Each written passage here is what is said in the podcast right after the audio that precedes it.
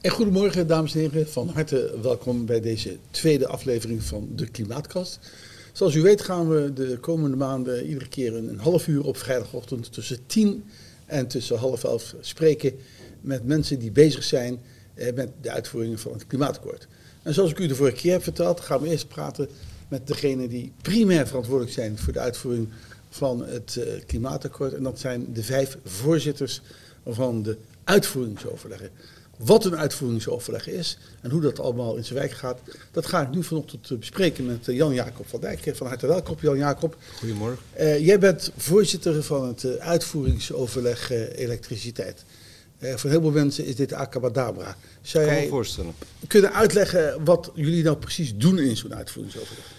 Nou ja, er is een klimaatakkoord afgesloten in 2019. Daarin zijn heel veel afspraken gemaakt over nou, wat er in precies uh, wat er gedaan zou moeten worden.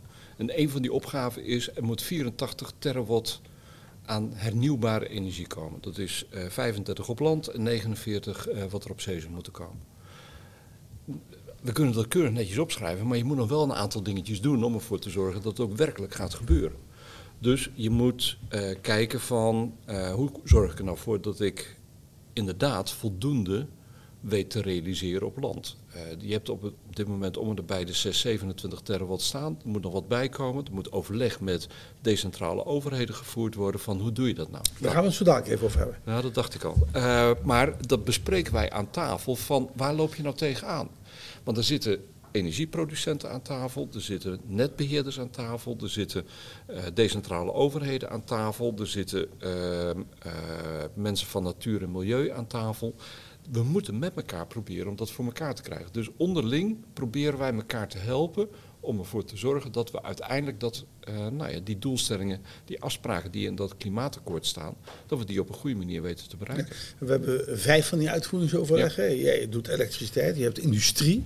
Ja. Je hebt de mobiliteit, uh, landbouw en, en uh, uh, land, en bebouwde omgeving. Gebouwde omgeving. als je even kijkt, en die, die 49% reductie CO2 in 2030, die is verdeeld over die vijf tafels. En jullie hebben eigenlijk de zwaarste opdracht. Jullie doen zo'n 40% van die totale opgave. Ja, Waarom wij, is dat? Nou ja, omdat, dat is eigenlijk niet zo heel erg ingewikkeld. Kijk, op het moment dat de industrie de opdracht krijgt, jullie moeten ervoor zorgen dat jullie 49% gaan reduceren, dan is een van de opgaven of een van de oplossingen. Kijk, je hebt verschillende oplossingen. Je kunt zeggen, ik ga gewoon de, CO2 opslaan, CCS. Uh, maar dat is niet de meest duurzame oplossing op langere termijn. Dus je moet in die industrie moet je nagaan denken over de vraag hoe kan ik ervoor zorgen dat er minder met fossiele brandstoffen ge gewerkt wordt en dat er bijvoorbeeld meer met hernieuwbare energie gedaan wordt. Dan praat je altijd over elektriciteit. Dus op het moment dat de industrie zegt wij willen uh, iets anders gaan doen, dan komen ze bij ons langs en dan zeggen ze van ja, wij willen meer elektriciteit hebben.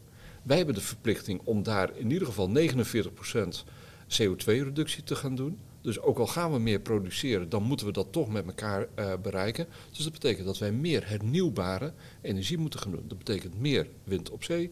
En ik sluit ook niet uit dat we op termijn ook nog wel het een en ander op land zullen moeten gaan doen. Als je dan kijkt even naar, naar, naar wat het afgelopen jaar is gebeurd, dan kun je ook, uh, als je wat optimistisch uh, bent, kun je zeggen, eigenlijk is jouw tafel een, een, een succes. Als je ziet de, nou, de groei van wind op land en wind op zee, dat is spectaculair. Dat gaat op zich, uh, nou, ik ben blij dat je dat ook zegt. want er is heel veel chagrijn over, nou we doen het nog allemaal niet goed genoeg. We trekken op dit moment een heel stevig been bij. Uh, we zien dat er op dit moment heel veel wat in de pijplijn zat, dat het nu ook tot realisatie komt. Dat er ook nog steeds veel in de pijplijn zit, wat op dit moment best goed gaat uh, om dingen te gaan doen.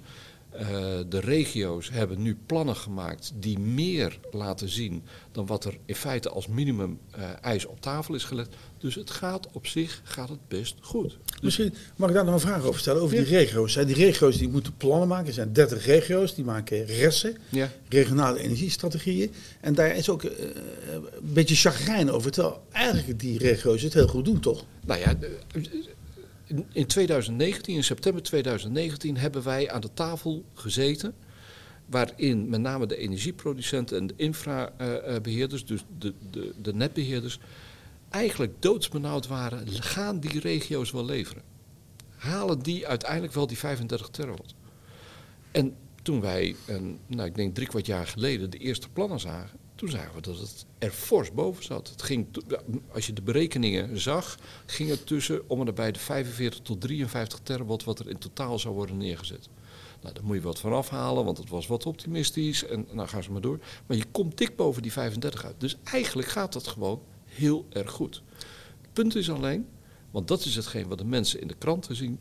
Op het moment dat er echt een concreet project gaat komen, met daar komen drie windmolens te staan of daar komen er vijf te staan, dan zie je dat, de, dat er een groep is die daar moeite mee heeft en dan in het geweer komt. En als je over het hele land heel veel van dit soort projecten hebt, ja, dan zijn er sommige mensen uh, uh, die daaruit de conclusie trekken. Er is heel veel onrust, dus heel Nederland is tegen. En dat valt wel mee. Ja, uh, we gaan even uit van dat succes op zich van die regionale energiestar Ze leveren wat ze moeten leveren. Ja. Maar je zei zelf ook al, er is heel veel weerstand. Die weerstand, komt die ook bij jullie, ligt die op tafel? En, ja. en, en, en hoe gaat men daar in die regio mee om? Nou, hoe dat in de individuele regio's gaat, dat laten we over aan het Nationaal Programma RES en aan de desbetreffende uh, uh, personen die in die regio actief zijn. Dus dat, dat, dat zijn niet al die onderwerpen die wij bespreken bij ons aan tafel. We gaan er wel weer een beetje boven hangen. En dat beetje boven hangen, daar bedoel ik dan mee. Zijn er nou instrumenten die wij op tafel zouden kunnen leggen die het makkelijker maken voor burgers om te accepteren dat er het een en ander gebeurt? Uh, denk aan, uh, zorg er nou voor dat uh, het op, op, die plekken kan komen te staan wat misschien economisch gezien misschien wel eens wat minder efficiënt zou kunnen zijn, maar voor het draagvlak veel, veel beter zou kunnen zijn. Soms heb je het ook wel nodig om te laten zien dat je van alles doet om bijvoorbeeld op grote daken heel veel zonne-energie te, neer te leggen. En dat je dan alsnog moet laten zien, jongens, we hebben nog meer nodig. Dus er is nu nog maar één mogelijkheid en dat is een windmolen. Om daarmee ook de urgentie aan te tonen om dat soort dingen te gaan doen. Dus het is met elkaar het spel voeren van hoe zorgen we er nou voor dat de bevolking langzamerhand doorkrijgt dat het echt moet. En het lastige is, maar goed, dat, nou, daar hebben wij het ook wel eens op andere plekken over gehad. Als de burger zegt, wij moeten stoppen met fossiele brandstof.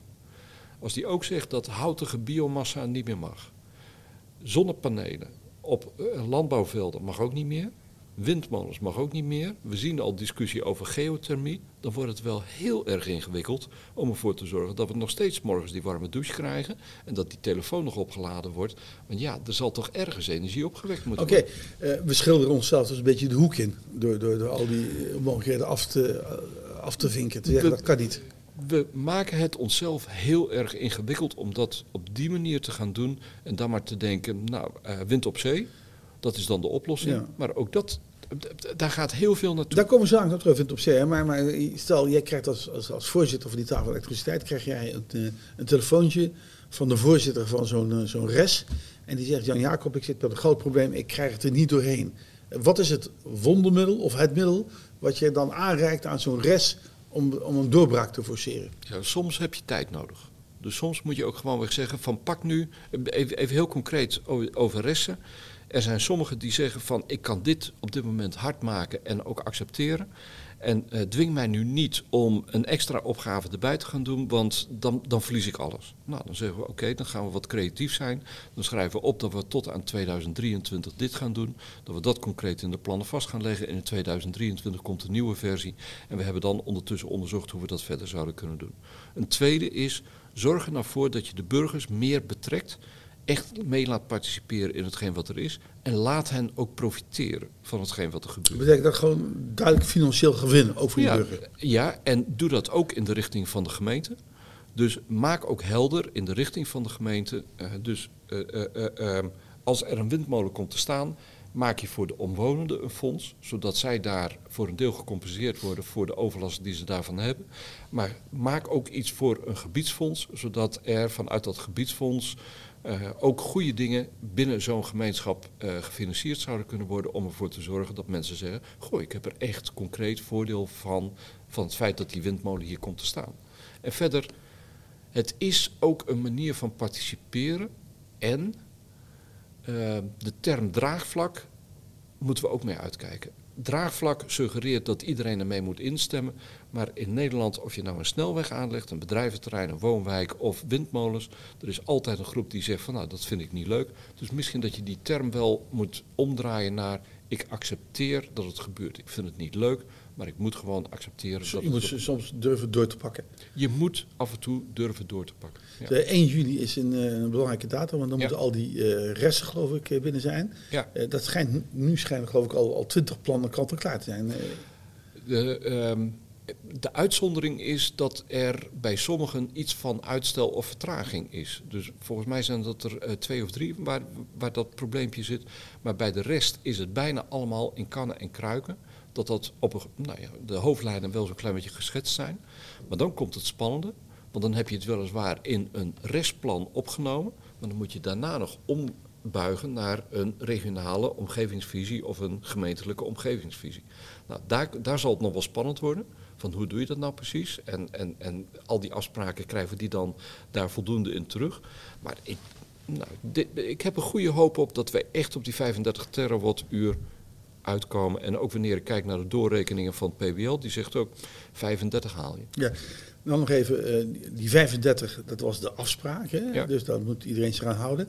We kijken even naar de toekomst. Je zei eh, tussen neus en lippen door, ik sluit niet uit eh, dat er nog meer wind op land of zon op land nodig is. Kun je dat nog eens een keer uitleggen? Ja, de- de- bij de berekeningen, bij het opstellen van het klimaatakkoord is een getal van 84 terawatt genoemd. En dat was over, nou, met de berekeningen van dat moment, zoveel hebben we globaal nodig voor eh, verduurzaming industrie, mobiliteit, eh, bebouwde omgeving en eh, voor de landbouw.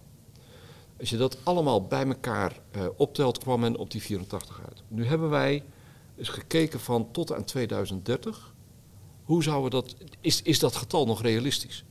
En wij kwamen tot de conclusie dat in ieder geval voor wat betreft de industrie dat getal niet realistisch meer was. Dat moet opgehoogd worden met 45 terawatt. Wil je dat op een goede manier doen? Dat is ongeveer de helft erbij van de huidige Dat is de helft erbij wat je zou moeten gaan doen. Daarvan hebben we gezegd, ook omdat je dat doet met clusters die vaak eh, dicht bij de kust zitten, zet dat nou op zee neer. Dat is zo groot, dat is zo massaal, zet dat daar neer om het op een goede manier te doen.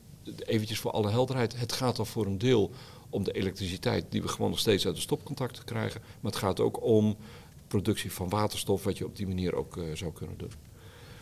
Die vraag is bij industrie en bij elektriciteit neergelegd. Zoek dit uit, dat hebben we gedaan. En of dat nou 2030 of 31 wordt, maar in die orde van grootte. Datzelfde gaan we nu ook doen voor wat betreft mobiliteit. En gaan we ook doen op het terrein van de bebouwde omgeving. En dan gaan we kijken van hoeveel hebben we dan globaal nodig. Nou, dan zou het ook kunnen zijn dat dat iets hoger gaat worden dan hetgeen wat er nu is. Dat betekent niet direct dat er een extra opdracht in de richting van de decentrale overheden gaat komen. U moet nu op gaan hogen. Maar wij zien op dit moment een beweging, en dat heeft PBL ook aangetoond, dat wij bijna een autonome ontwikkeling is die boven die 35 terawatt uitgaat. Dus om die reden zie ik niet dat er een extra opdracht gaat komen, maar zie ik wel dat er ook door nou, op, op land er een beweging is die ertoe leidt dat men hoger dan die 35 uitkomt. En die hebben we ook nodig. Je noemde nu wind op zee. We gaan even we stappen van het land over naar wind op zee. Eigenlijk is eh, wind op zee is het grote internationale voorbeeld van succesvol tra- energietransitie in Nederland. Kun je nog even uitleggen waarom is dat- dat wind op zee zo'n groot succes geworden de afgelopen jaren? Nou, dat, eh, de, de- kijk, wind op zee is een. ehm, dus grootschalig natuurlijk. Er zijn ook grote kavels aangewezen en nou, er is getenderd. En uiteindelijk bleek dat we eh, daar geen geld op hoefden toe te leggen. Maar dat eh, de producenten zeiden van nou, wij kunnen het wel zonder subsidie op Had, deze had niemand durven te voorspellen, eh, acht Nee. jaar geleden. had niemand durven voorspellen. Daarbij moet je wel ook eerlijk zijn. Ehm, wie betaalt op dit moment met name voor de infrastructuur om ervoor te zorgen dat de opgewekte energie uiteindelijk ook aan land komt? Dat wordt dan wel door de overheid voor een belangrijk deel gedaan. Maar puur de productie, nou, dat gaat subsidievrij, gaat dat op dit moment goed. Dat gaat met de huidige omvang en met de plannen gaat dat goed. Alleen er is in verschillende rapporten ook wel gezegd. Ja, maar het wordt straks misschien wel wat ingewikkelder. Want als wij heel veel meer op zee gaan doen, als het waait, dan waait het overal. En dan wordt het dus overal dat op dat moment energie wordt geproduceerd. Dan gaat de prijs misschien ook wel naar beneden toe. Dus hoe zorg je er nou voor dat je dat systeem goed op elkaar afstemt. En dat je daarin ook een bepaalde basisprijs blijft houden voor die energieproducenten, zodat het voor hen ook nog aantrekkelijk is. Anders, komen ze niet meer. Anders wordt het ingewikkelder en dan gaan ze wel weer vragen van ja, eh, eh, wij willen wel een bepaalde garantie hebben voor de prijs, want anders komt de investering er niet We halen het nu even uit elkaar. We hebben het succesvolle verhaal van dat wat we hebben afgesproken, wat in 2030 moet worden gerealiseerd. Die windmolenparken worden gebouwd. Uh, begin met subsidie, nu zelfs zonder subsidie. Dan de, de, de extra uh, uitbreiding. Er wordt ook geklaagd over, ja, maar het wordt zo druk op, op, op die Noordzee. Uh, daar kan helemaal niks mee bij. Wat, wat, wat, wat, wat moeten we daarvan vinden? Nou ja, die 10 gigawatt, waar, waar, we het op, waar wij in het uh, advies omtrent wat je nodig hebt voor industrie, daarvan hebben we gezegd dat moet je echt op zee gaan doen. Dat kan ook nog. Maar er zijn ook daar uh, belangengroeperingen die zeggen van ja, maar je zit ons wel in de weg. Heb het over vissers en heb het met name over natuur. Op het terrein van natuur is, zijn er zorgen over als je daar heel veel windmolens neer gaat zetten, heeft dat impact op datgene wat er uh, in zee gebeurt. En we weten nog niet precies wat het allemaal exact wel is, maar wees daar voorzichtig mee. Nou, dat is één belang. Het andere belang is uh, de Noordzeevissers die zeggen van ja, al die windmolens, dat wordt voor ons wel knap ingewikkeld om daaromheen te varen wanneer wij onze visvangst willen gaan doen. Daar zullen wij ook voor gecompenseerd moeten worden. Dus daar is een club uh, onder leiding van uh, Jacques Wallage omtrent het Noordzeeakkoord, die over dit onderwerp uh, geprobeerd heeft om daar ook een akkoord over te bereiken. Nou, dat is omtrent de huidige kavels en datgene wat er nu ligt, is men daar een heel eind gekomen. Maar er wordt nu weer, ja, we hebben echt die 10 gigawatt nodig. Dus daar zal weer opnieuw onderhandeld moeten worden om dat ook op een goede manier, ja, die diverse belangen tegenover elkaar af te wegen. Ja, maar goed, uiteindelijk zul je ook op die Noordzee zul je een keuze moeten maken. Je kunt ook daar niet en dit en dat en dat willen. Nee, ook daar. De, dus het, het beeld wat sommige mensen wel denken, zet alles maar op uh, zee neer, dan zijn we er vanaf. Dat is nou, simpel. Dat is twee slagen te simpel. Los van het feit, je kunt wel op zee heel veel doen. Dan kun je het misschien wel op een vrij onzichtbare manier aan land brengen, met een kabel over de grond.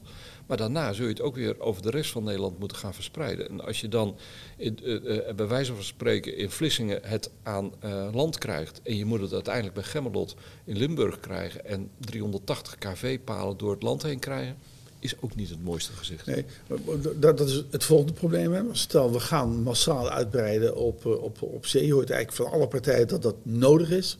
Even los van die belangen van visserij en van natuur. Daar moeten dus oplossingen voor worden gevonden op een slimme manier. Dan hebben we straks die uitbreiding, die massale uitbreiding van wind uh, op, op zee. En dan noem je zelf al, je moet het aan land brengen.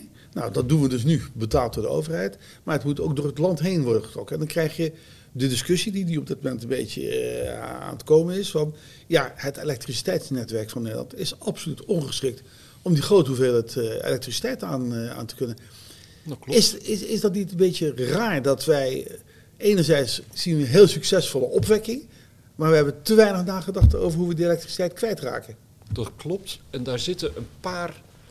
Kijk, je kunt heel gemakkelijk de netwerkbedrijven verwijten. Waarom hebben jullie niet al. Ja, ik praat niet over de, de, bedrijven, maar ik praat over de overheid. Moet ja, natuurlijk beleid voeren. Ja, de overheid moet beleid voeren. Dus daar zit. De, kijk, die netwerkbedrijven. die mogen kabels aanleggen op het moment dat zij een vrij zekere voorspelling hebben dat die kabels ook gebruikt gaan worden en ook voor de capaciteit die er op dat moment wordt aangelegd. En als ze dat uh, kunnen uh, aantonen, dan kunnen ze ook op dat moment het meenemen bij de tarieven die ze gaan berekenen. Op het moment dat ze dat niet kunnen, dan doen ze het voor eigen rekening. Nou, dat vindt niemand leuk, want als je een investering doet en je krijgt er geen rendement op, nou, dat gaat niet gebeuren. Daar, daar zit dus een ingewikkeld vraagstuk. Want we zien nu dat die vraag ongelooflijk aan het toenemen is. En iedereen moet nu, als de wieden weer gaan, uh, gaan graven en ervoor zorgen dat het er gaat komen, nou, dat, dat vergt nogal wat. Ja, daar zitten twee... Daar, daar heb ik een vraag over dan. Hè. Voor dat, dat, uh, want uh, die netwerkbedrijven, er wordt heel niks gedaan of die netwerkbedrijven, of dat iets is. Het bedrijfsleven zo. Nee, die netwerkbedrijven zijn van ons, hè, zijn ja. van provincies en van gemeenten. Ze zijn niet de vijand, Klopt. maar ze zijn onze vrienden. Je zou dat, dat toch, als je ziet dat dat een probleem is, en je zegt zelf al, ja, je moet dat mogen, dan zou je toch de wet kunnen aanpassen en zorgen dat die netwerkbedrijven wel mogen opereren? Ja, even de facto, ze mogen dat gaan doen. Alleen wanneer jij zelf weet dat je heel veel geld erin gaat stoppen en je krijgt er geen rendement op, dan zegt Nee. iedere aandeelhouder, wees daar wat voorzichtig mee. Je kunt de wet aanpassen door te zeggen, het zou verstandig zijn dat je daar al wat makkelijker je investering wat terug zou kunnen halen. Maar ja, daar zijn ook wel weer anderen die zeggen van ja, maar wij willen wel dat ze efficiënt blijven draaien. Eh, met name industrie zegt daar ook van dat, dat moet wel efficiënt blijven, want anders krijgen wij te maken met de hoge tarieven en dan hebben we daar ook last van. Dus daar, ook daarin zie je weer dat er een spel is tussen de diverse belangen omtrent prijzen, hoe dat in elkaar zit. Dan heb je een tweede probleem en dat is het echte probleem op dit moment. Hoeveel handjes hebben wij om ervoor te zorgen dat al die kabels gelegd worden en dat die Ja, verdeelstations worden ja. neergezet?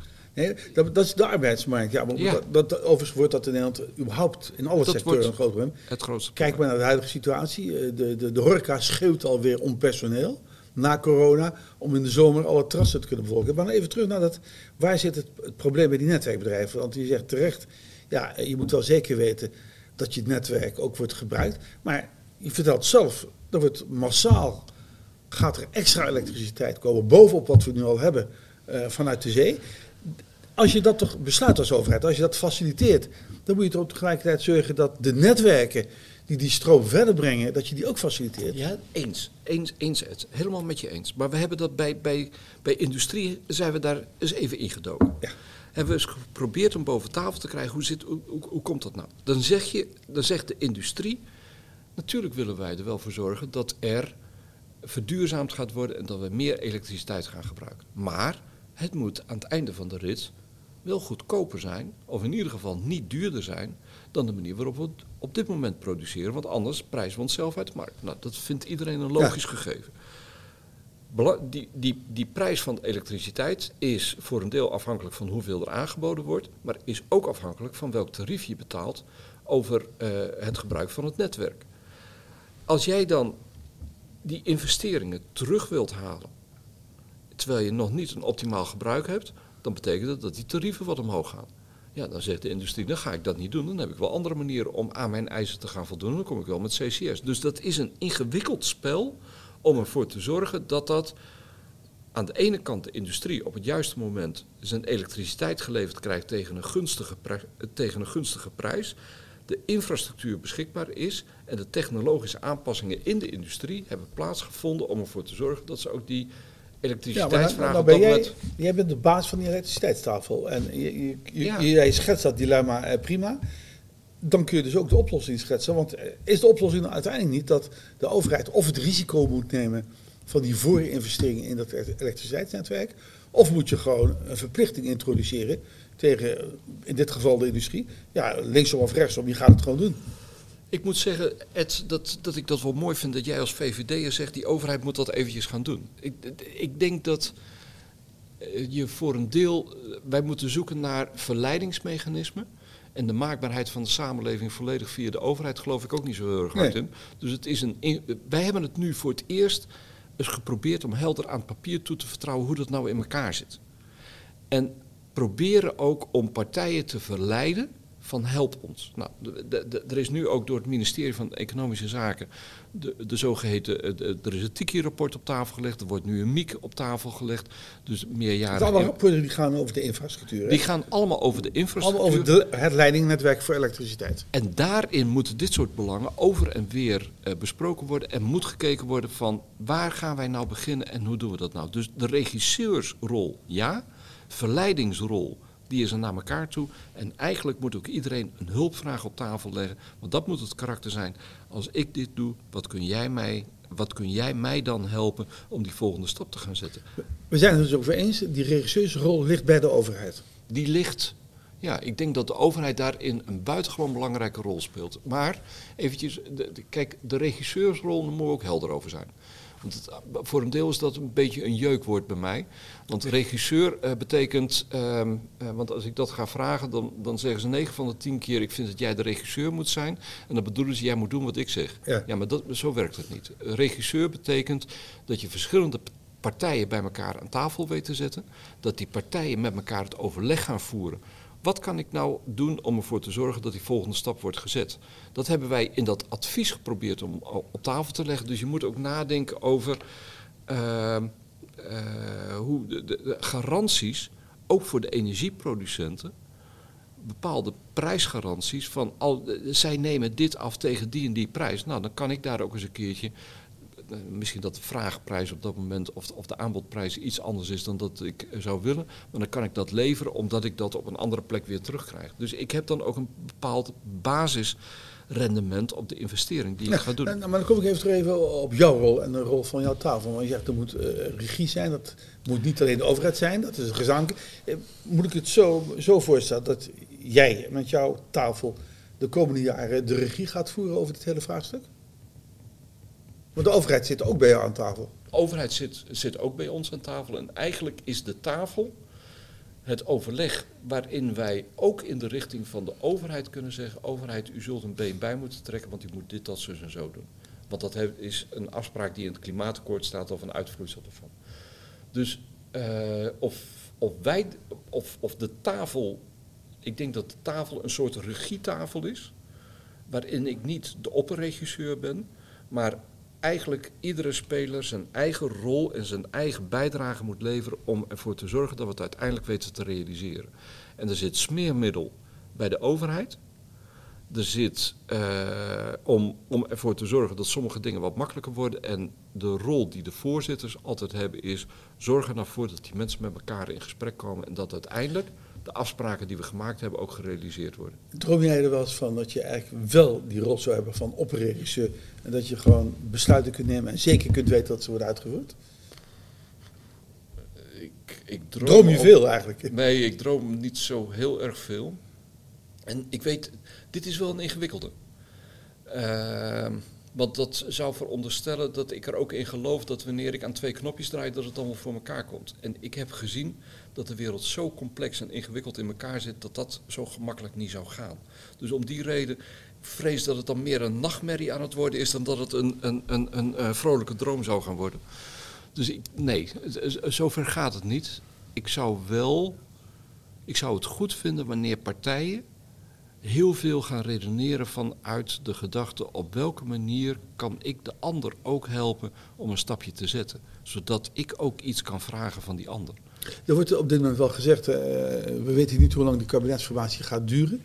Maar dat eigenlijk dit kabinet ook al een aantal beslissingen eh, zou moeten nemen, omdat je anders te veel eh, tijd gaat verliezen. Welke beslissingen moet het huidige demissionaire kabinet in jouw ogen nemen? In ieder geval, ze moeten nu de, het traject in gang zetten dat die kavels voor die 10 gigawatt wind op zee, dat dat goed gaat lopen, zodat we daar in Is 2000... dat gewoon een besluit wat ze kunnen nemen op vrijdagochtend? Ja, volgens mij kunnen ze dat gewoon nemen, zodat in 2022 echt die kavels ook weggezet kunnen worden. Dus dat is een belangrijk besluit. Een tweede is, ik denk dat ze nu ook na moeten denken over wat gaan wij doen wanneer we de SDE niet meer voort gaan zetten. In 2025. Leg even uit wat de SDE plus Nou, plus dat is in is. feite een soort subsidie eh, voor degene die eh, hernieuwbare energie gaat produceren. Dat er een bepaalde basisprijs is, een basisvergoeding is voor de investeringen die je gedaan hebt. Dat maakt het aantrekkelijk voor windmolenproducenten, of tenminste voor, voor energiecoöperaties, maar ook voor andere energieproducenten om windmolens te plaatsen. Datzelfde geldt ook voor eh, grote zonnevelden en ook nog wel op andere terreinen. Daarvan is aangekondigd in 2025 willen we daarvan af omdat we dan, naar het zich laat aanzien, ook voldoende plannen hebben liggen voor de 35 terawatt. Ik denk dat het verstandig zou zijn om nu na te denken over de vraag en hoe ga ik dan ook op dat moment ervoor zorgen dat er nog voldoende belangstelling bestaat om hernieuwbare energie eh, te blijven produceren. En dat mensen zeggen, nou daar wil ik wel het een en ander mee gaan doen. Jij bent eh, Kamerlid geweest, je bent Ja. eh, gedeputeerde geweest in, in Gelderland. Zou jij weer, weer, weer terug willen in de politiek om met dit onderwerp aan de slag te gaan?